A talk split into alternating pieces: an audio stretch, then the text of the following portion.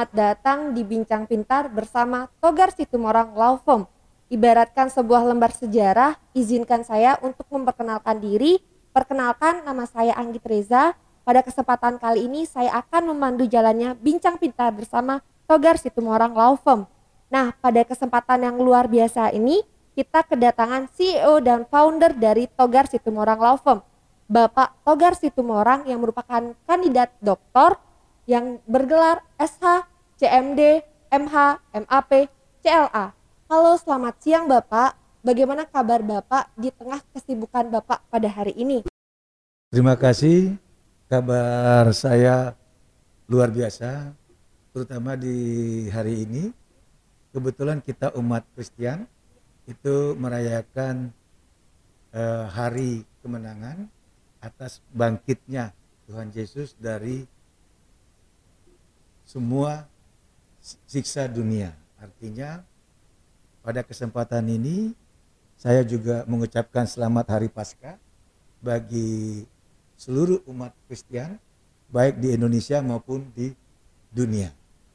Jadi hari ini betul-betul saya sangat luar biasa. Itu yang bisa kita sampaikan. Baik, terima kasih Bapak pada episode kali ini kita kan akan membahas tips and trick bagaimana menjadi seorang pengacara sukses.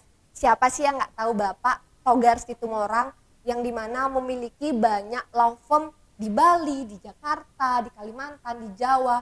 Nah, sebelum kita menuju ke tips and trick, bagaimana sih awal mula Bapak merintis sebagai seorang pengacara hingga Bapak ada di titik pada hari ini? Mungkin bisa diberikan motivasi juga buat mahasiswa hukum gitu Pak? Kalau kita ingin menjadi seorang pengacara, itu harus diawali kita ada satu keinginan kemampuan untuk satu rajin membaca.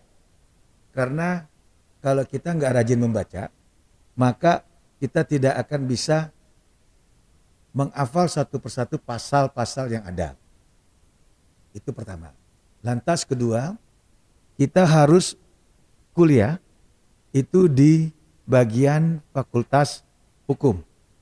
Nah, di dalam eh, bagian Fakultas Hukum itu nanti kita lihat apa kira-kira yang memang bisa menjadi satu keinginan kita. Apakah kita nanti suatu saat hanya mendapatkan gelar sarjana hukum atau betul-betul kita ingin cita-cita yang tadi ingin menjadi seorang pengacara.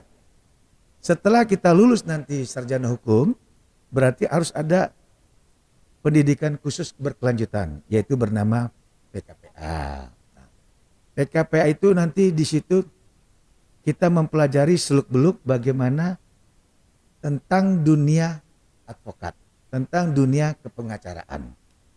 Setelah kita lulus dari PKPA, itu memang tidak serta-merta.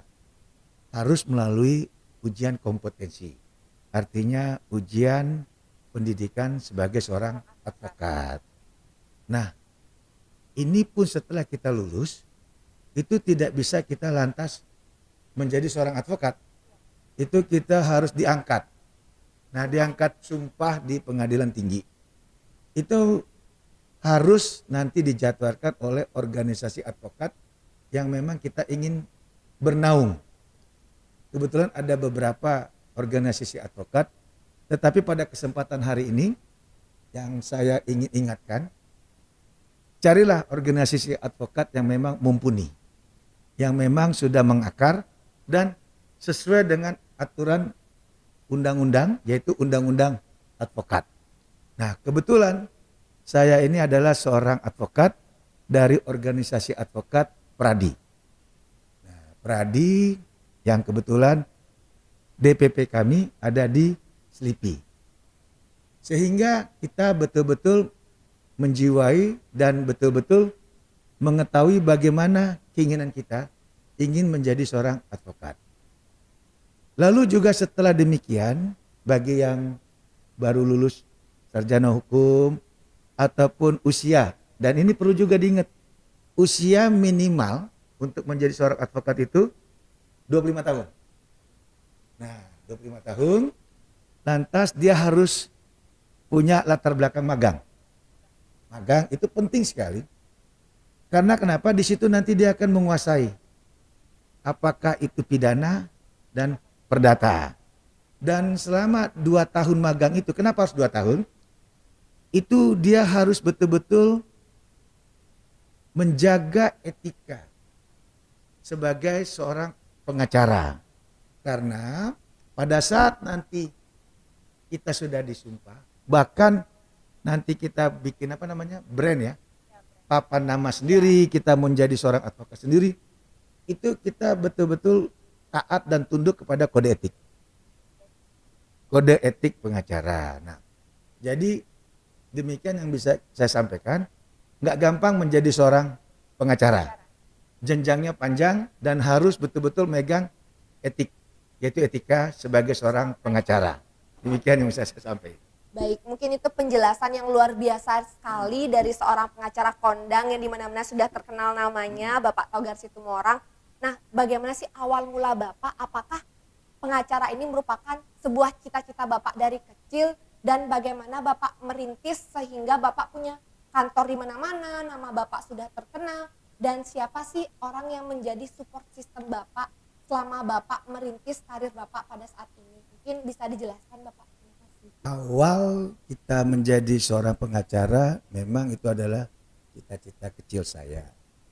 Tetapi di dalam perjalanan hidup ya. saya yaitu seorang togar orang kan ya. otomatis tidak langsung ya, makan cabai. Ya, langsung pedesnya gitu mungkin. Ya. Nah, kebetulan saya ini berlatar belakang keluarga kurang mampu.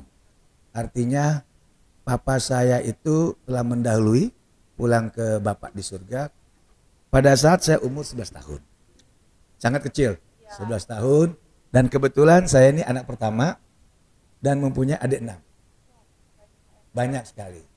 Bayangkan togar kecil dengan mama seorang janda yang kebetulan mama saya ini nggak ngerti apa-apa. Artinya bisnis nggak punya, lantas dia ingin punya skill atau latar belakang kuliah dia tidak ada. Ya pure lah sebagai ibu rumah tangga dengan anak yang banyak, yaitu tujuh orang itu mungkin berat. Ya, Sehingga saya melalui proses yang tidak gampang, tapi saya bersyukur karena mempunyai papa yaitu Lasmas Tumorang almarhum dan mama saya yaitu Rosma Uli Borugultom. Saya bangga dengan mereka karena apa? Selama papa saya masih hidup saya diberikan toladan terutama sifat yang harus tetap tegar. Tegar itu dalam arti kata apa pun masalah, apa pun problema kamu, apa pun kehidupan kamu, kamu harus tetap berjuang. Nah, berangkat dari situ, saya terus berjuang, opportunities otomatis dari SMP, SMA segala macam jenjang. Dan puji syukur, akhirnya saya bisa sampai ke jenjang uh, ya pada agak waktu itu jenjang sampai kuliah, sarjana hukum, lantas kita tadi yang kita bilang melalui PKP ada seterusnya sehingga pada saat ini saya menjadi seorang pengacara. Nah, karena sebagai seorang pengacara yang nggak gampang, otomatis saya juga mempertahankan eh, reputasi, nama baik, itu betul-betul saya jaga. Tidak saya sia-siakan. Sehingga puji syukur yang tadi Mbak Anggi ngomong ya, bahwa saya mampu membuka beberapa kantor cabang di mana juga pernah ada semacam tanda kutip nada miring. Kok bisa kantor pengacara di mana-mana? Nah, pandangan sinis atau pandangan miring ini saya anggap itu adalah eh, satu pecutan, suatu pompa untuk semangat. Sehingga saya akan memberitahu kepada orang di luar sana bahwa di tahun ini yang karena semua kita yang tadi apa masuk zaman apa milenial ya. Iya, zaman milenial kita ini tidak bisa terfokus di satu tempat dan karena bidang saya adalah hukum kepengacaraan dan saya ingin melayani atau berjumpa atau mendapatkan klien di mana-mana otomatis untuk memudahkan komunikasi mendapatkan klien ataupun melayani masyarakat ya saya buka di beberapa tempat. Yang tadi Mbak Agi bilang di Denpasar saja saya punya tiga. tiga kantor. Lantas di Jakarta ada dua, lantas ada di Kalimantan, Cirebon, bahkan di Bandung, Pengalengan. Nah, itu yang bisa saya sampaikan pada Mbak Angginya. Ya luar biasa pengalaman itu ya. Gak semua nih orang bisa berjuang benar-benar. Kalau bisa dilihat latar belakangnya Bapak, Bapak benar-benar berjuang dari awal dari nol sehingga sampai saat ini Bapak punya nama, kantor di mana-mana, tentunya sudah sering masuk berita dibilang pengacara kondang seperti itu. Luar biasa sekali saya bisa menemani podcast pada hari ini bersama Bapak. Mungkin Pak kan e, seperti kita ketahui di sini juga banyak kantor-kantor pengacara. Di mana-mana pasti banyak ada kantor pengacara. Bagaimana cara Bapak bersaing untuk mendapatkan klien dan untuk memenangkan kasus Bapak agar nantinya e, personal branding dan branding dari kantor Bapak itu tetap berada di posisi yang Bapak inginkan seperti itu Bapak? Mungkin bisa dijawab Bapak. Uh, tadi lupa saya sampaikan bahwa yang memotivasi saya itu adalah mama saya, orang tua saya, di mana mama saya ini sebagai seorang wanita tangguh yang tadi saya bilang, dia menghidupi anak yang tujuh. Nah, berangkat dari situ, saya juga harus minimal itu membanggakan mama saya dengan kerja keras. Nah, kembali tadi dalam persaingan, saya tidak pernah menganggap kantor hak kantor hukum yang ada itu suatu persaingan. Tidak. Malah mereka itu bagi saya adalah satu partner atau rekan. Sehingga saya akan menghormati uh, rekan pengacara ataupun kantor-kantor hukum yang lainnya. Dan saya tidak merasa ada persaingan, saya tidak ada merasa istilahnya terusik ataupun diusik karena itu tadi saya percaya Tuhan, saya percaya takdir, saya tahu jodoh saya sama siapa, usia saya berapa, dan kalaupun sukses itu bukan karena saya, tapi karena Tuhan Yesus semata. Sehingga berangkat dari situ, saya menjalankan aktivitas kepengacaran saya, itu going with the flow, artinya kayak air mengalir. Nah, dan saya percaya kalau memang Tuhan izinkan saya masih bangun, itu pasti saya akan meraih sukses. Nah, jadi saya tidak perlu ada sirik, tidak perlu ada iri ataupun dengki. Sehingga saya tidak akan menganggap kantor-kantor itu atau pak atau advokat-advokat itu adalah satu persaingan. Tidak. Nah, untuk menjaga branding yang tadi Mbak Anggi bilang, branding ini perlu. Nah, salah satunya pertama kita menjaga penampilan. Kedua, kita selalu meng-up meng-up daripada knowledge, ilmu pengetahuan kita. Nah, yang ketiga, kita tidak putus-putusnya untuk memberikan edukasi. Baik secara langsung atau tidak langsung. Contohnya seperti saat ini. Nah, ini kan membangun satu branding. Artinya branding yang memang bermanfaat, branding yang memang mempunyai kelas. Nah, kelas di sini kan otomatis sudah berpengaruh. Strata mana, golongan mana, kita masuk di dalam kategori kepengacaran kita sesuai profesi kita. Nah, secara tidak langsung masyarakat akan menilai kita ini masuk branding pengacara yang mana. Itu pasti. Jadi kita nggak usah lah terlalu sikut kiri, sikut kanan, nggak perlu itu. Iya. Jelek-jelekin kantor pengacara lain, atau bahkan kita tanda kutip mereka yasa untuk menjatuhkan lawan pengacara kita dengan segala cara. Itu nggak perlu. Kita bangun branding kita sendiri, kita self development sendiri dengan cara-cara yang positif. Itu yang bisa saya sampaikan itu. Baik Bapak, mungkin langsung ke pertanyaan hmm. inti dari podcast ini Pak. Kan banyak nih mahasiswa hukum yang pengen seperti Bapak siapa sih yang nggak tahu Bapak Togar Situmorang yang kantornya di mana-mana, pengacara kondang, kan kadang mereka juga insecure gitu loh hmm. Bapak. Mungkin Bapak bisa memberitahu kepada mahasiswa hukum tips and trick bagaimana cara jitu menjadi seorang pengacara yang sukses seperti seorang bapak yang mau berjuang dari nol mungkin mereka punya keinginan tetapi keinginan mereka tuh ditutupi dengan rasa insecure mereka bapak.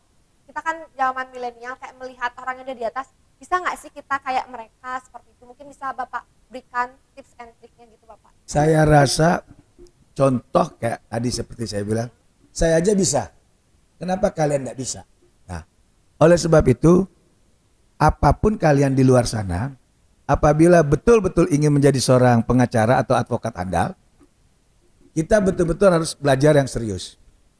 Kedua, harus betul-betul mengikuti pendidikan advokat yang benar. Dengan kita mau mengikuti organisasi advokat yang memang benar. Nah, lantas setelah kita menjadi seorang pengacara, itu kita harus tadi ngebangun branding. Nah, branding diri kita dan kita harus tekun menggali permasalahan hukum dari klien dengan sabar. Dengan sabar sehingga si klien itu merasa nyaman. Dia bisa bercerita sama kita. Sehingga pada saat klien kita nyaman, kita itu akan mempersiapkan daripada protek ataupun langkah-langkah step by stepnya untuk hukum itu. Sehingga kita akan meraih satu sukses. Nah, dengan adanya sukses atau kemenangan, si klien ini merasa, oh dia bantu gue sukses loh. Ini akan menjadi marketing kita. Marketing yang dahsyat dan luar biasa. Sehingga dia bisa ngomong ke mana-mana dan klien kita makin tambah banyak. Nah itu yang, yang yang harus dijaga tipsnya. Yaitu apa? Usahakan klien kita nyaman. Kedua, usahakan klien kita itu merasa aman. Dan yang ketiga, usahakan klien kita itu punya keyakinan. Tiga wajib, ya? Wajib. Tiga ini mereka sudah serahkan ke kita, pasti kita pun akan berjalan dengan yakin bahwa klien kita patut dibela hak-haknya. Gitu. Baik, itu merupakan tips and trick yang diberikan oleh Bapak Togar Situmorang. Mungkin untuk menutup podcast kita hari ini, Bapak bisa memberikan closing statement Bapak untuk memotivasi teman-teman kita yang sedang berjuang merintis karirnya mungkin bisa langsung saja Bapak. Untuk closing statement saya, saya mempunyai moto melayani. Artinya melayani bukan dilayani. Oleh sebab itu barang siapa yang menjadi seorang pengacara, buatlah diri kalian sebagai pelayan. Kita utamakan service. Utamakan kita melayani, bukan mau dilayani dengan adanya kita melayani mereka dengan sepenuh hati dan nantinya kita minta bimbingan Tuhan agar kita bisa menangani kasus dengan baik dan nanti hasilnya kita memenangkan perkara itu percayalah. Otomatis ada harga yang akan kita dapatkan. Itu yang bisa saya sampaikan yaitu melayani bukan dilayani. Baik terima kasih banyak Bapak. Di tengah kesibukan yang luar biasa Bapak bisa memberikan tips and trick melalui podcast ini kepada teman-teman yang sedang berjuang.